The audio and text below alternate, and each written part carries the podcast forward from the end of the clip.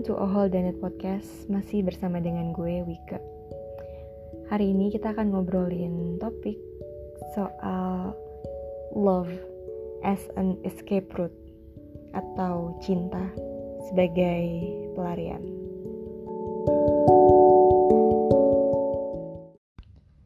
Ketika kita berbicara tentang berlari Berarti kan ada titik yang ditinggalkan dan ada titik yang dituju.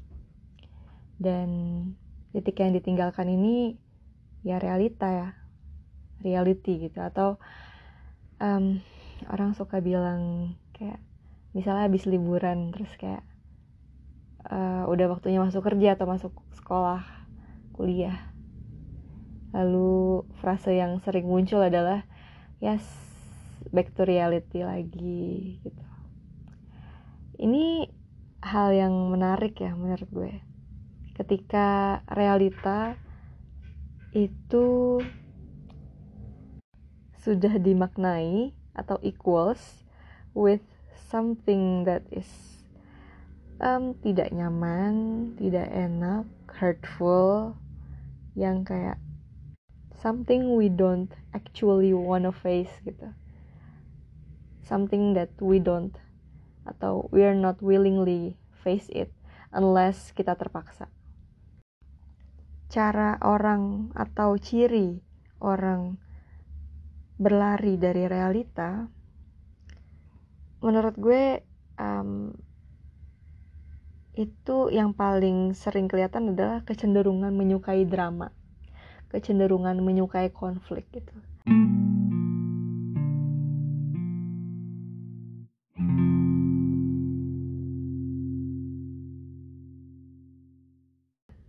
Cinta sebagai pelarian gitu. Love as an escape route. Oh menurut gue ini karena apa ya mungkin kental pengaruhnya karena media. And the easiest way untuk mengenal apa itu cinta sejati adalah dengan traveling inside ourselves.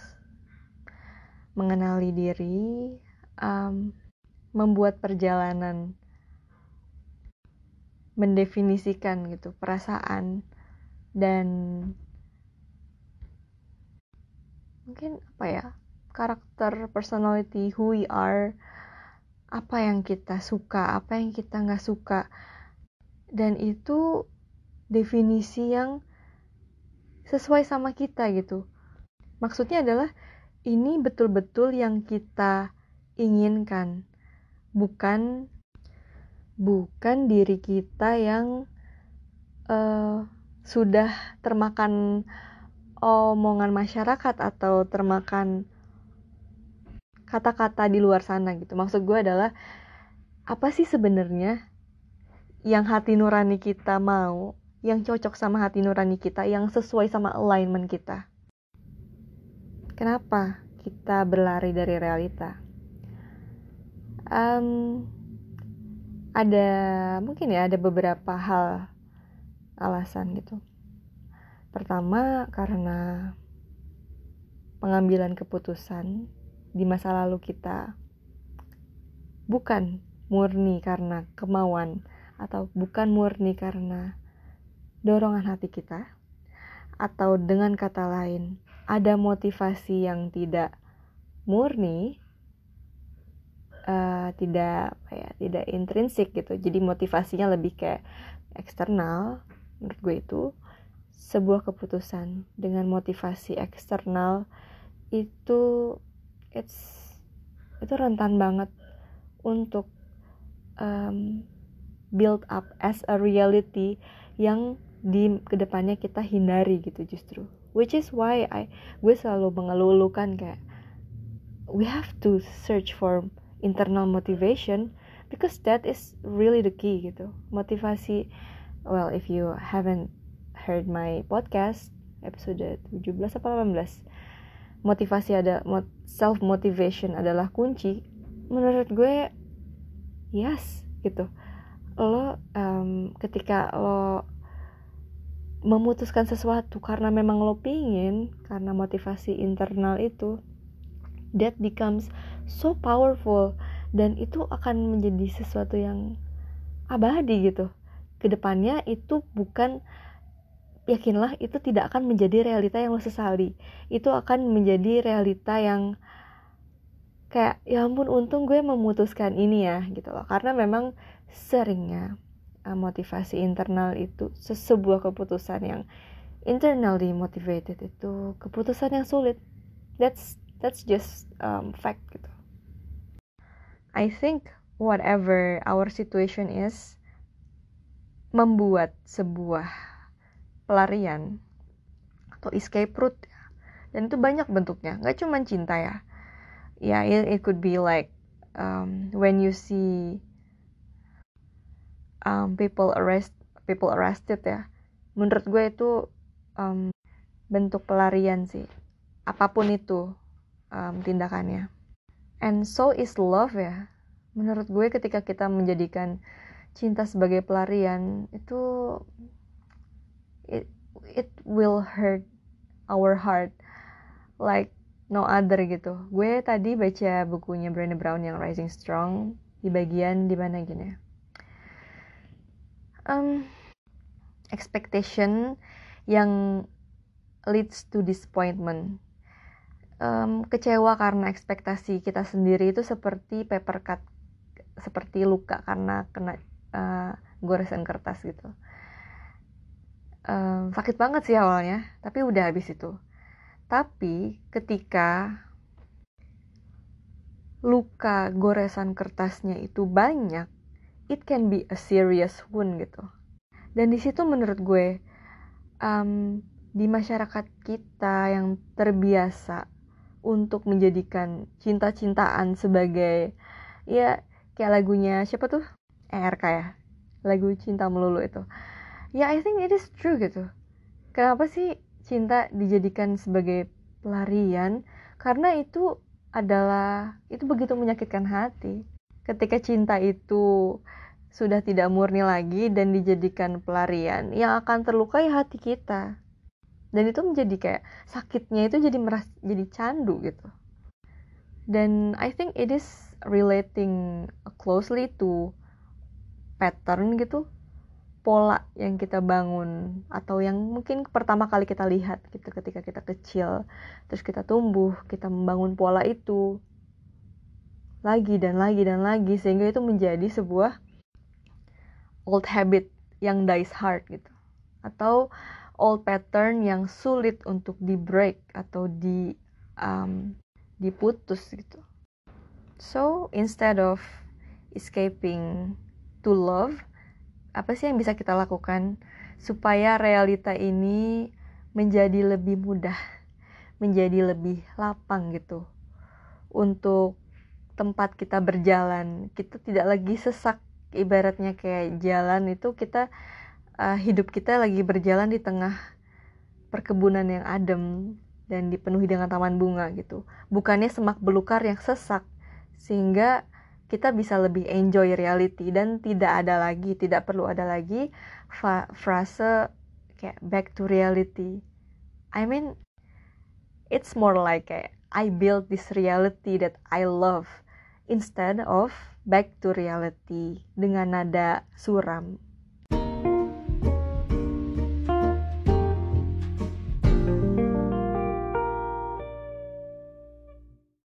So what can we do? Oke, menurut gue pertama itu adalah dengan menghadapi kenyataan. Menghadapi bahwa we have emotions yang belum tuntas. Kita punya um, perasaan yang belum selesai ditunaikan. Lalu kita dan ini kita tidak berbuat buruk pada diri sendiri ya memang kayak ya itulah kenyataannya gitu kita memang tidak sempurna uh, termasuk dalam um, pemaknaan atau cara kita mencerna emosi dan perasaan kita sendiri gitu. Jadi first of all adalah menghadapi perasaan, menghadapi kenyataan bahwa gila ini ada suatu hal, hal ini yang bikin kita sedih banget gitu.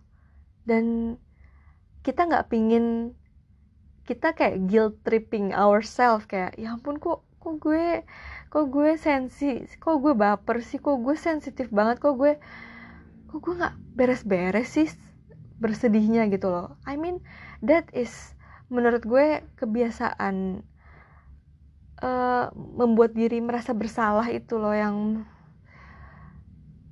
um, apa ya yang mencegah kita yang prevent us into processing our emotions um, sooner.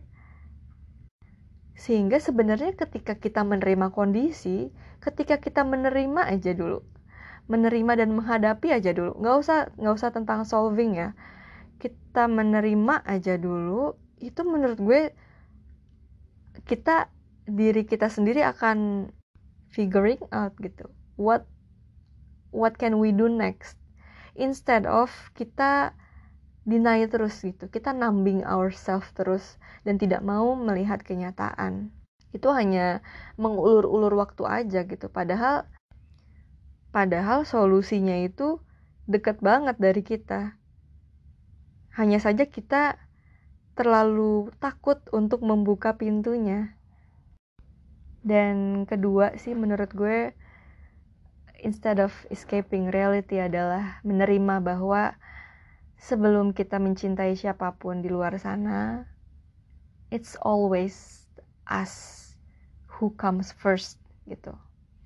Selalu kita adalah target terbaik dari cinta kita sendiri. Dan I think ya ketika ketika gue pikir gue mengerti tentang cinta diri sendiri, ternyata gue terus belajar gitu. It is something yang lifelong learning I I guess. Tapi ya nggak masalah gitu. Di ketika kita mindsetnya adalah putting ourselves first uh, termasuk mencintai diri kita sendiri dulu sebelum kita mencintai orang lain sebelum kita romantis romantisan uh, ke orang lain admire yourself gitu.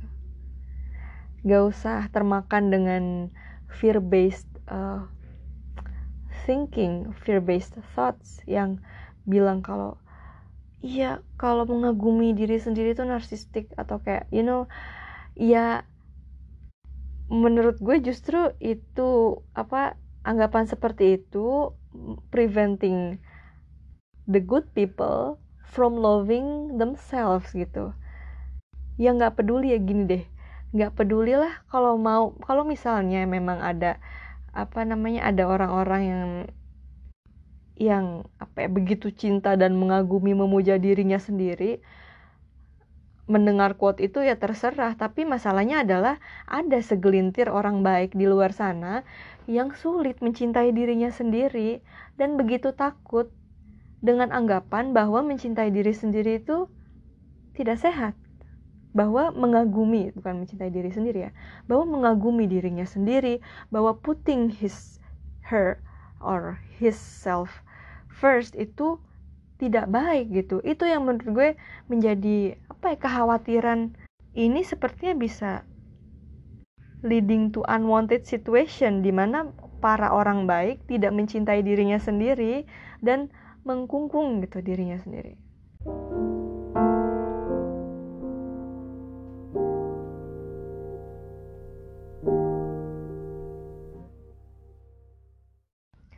Dua itu aja sih menurut gue caranya dengan hmm, facing our heart truth emotions apa apa ya fakta fakta di kehidupan kita yang yang tidak seindah di TV yang tidak uh, quote unquote semestinya gitu. Yang kayak anggapan anggapan yang terbentuk di film-film bahwa misalnya um, keluarga itu misalnya keluarga itu mesti begini-begini mesti terdiri dari um, anggota keluarga atau orang tua yang seperti bersifat seperti ini. Ya kita mesti berhenti untuk apa ya putting make up atau covering up our real story our true story gitu karena kita begitu takut menghadapi kenyataan bahwa ya realita itu memang bukan nggak sama sama di TV bahwa we are humans are flawed gitu. And it's perfect it's okay.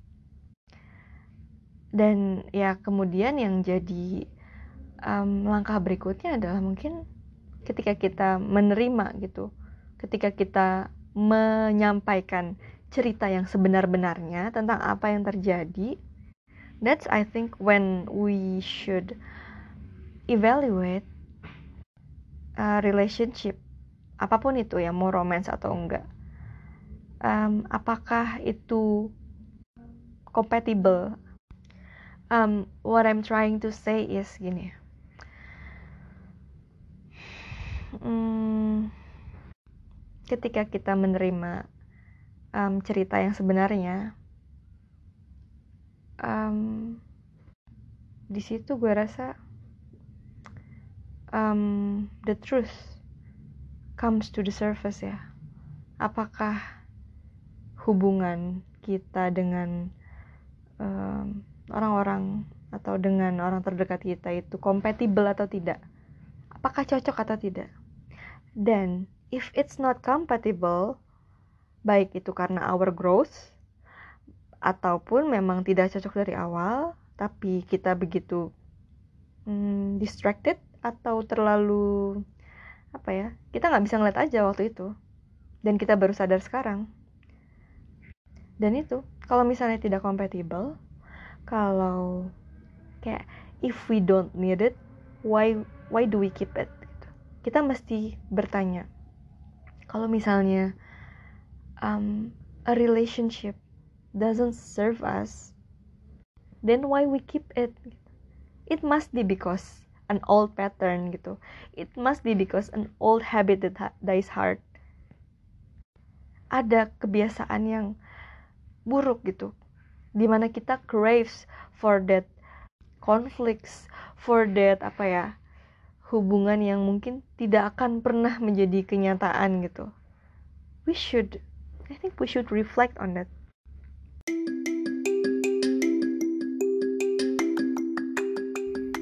Thank you guys for listening to this podcast.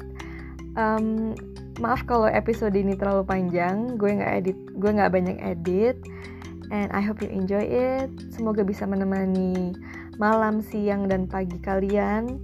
Dan yes, until next time on next episode. Bye bye, see you.